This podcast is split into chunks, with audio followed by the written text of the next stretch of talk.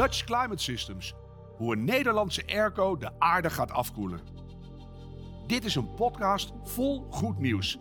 Maar de oorsprong van dat goede nieuws is iets minder rooskleurig. De aarde warmt op en binnen afzienbare tijd dreigt deze prachtige planeet onleefbaar te worden voor ons mensen.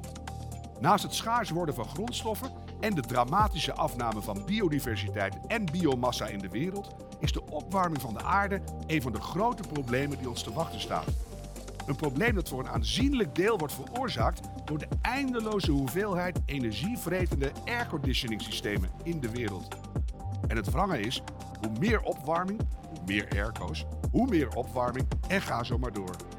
Als we daar iets aan kunnen doen, kunnen we een hele grote stap zetten. Dat dachten ze een aantal jaren geleden in het oosten van Nederland ook. Dutch Climate Systems heeft met zijn innovatieve IceCube Airco de cruciale oplossing voor dit gigantische probleem. Ik ben Harm Edens en in deze unieke podcast praat ik met duurzaamheidsexperts, ondernemers en met de mannen achter de IceCube over het ontstaan van deze duurzame airco, welke oplossingen hij kan bieden en hoe hij de wereld moet gaan veroveren. Met uw hulp. Luister en, deze keer op een mooie manier, huiver.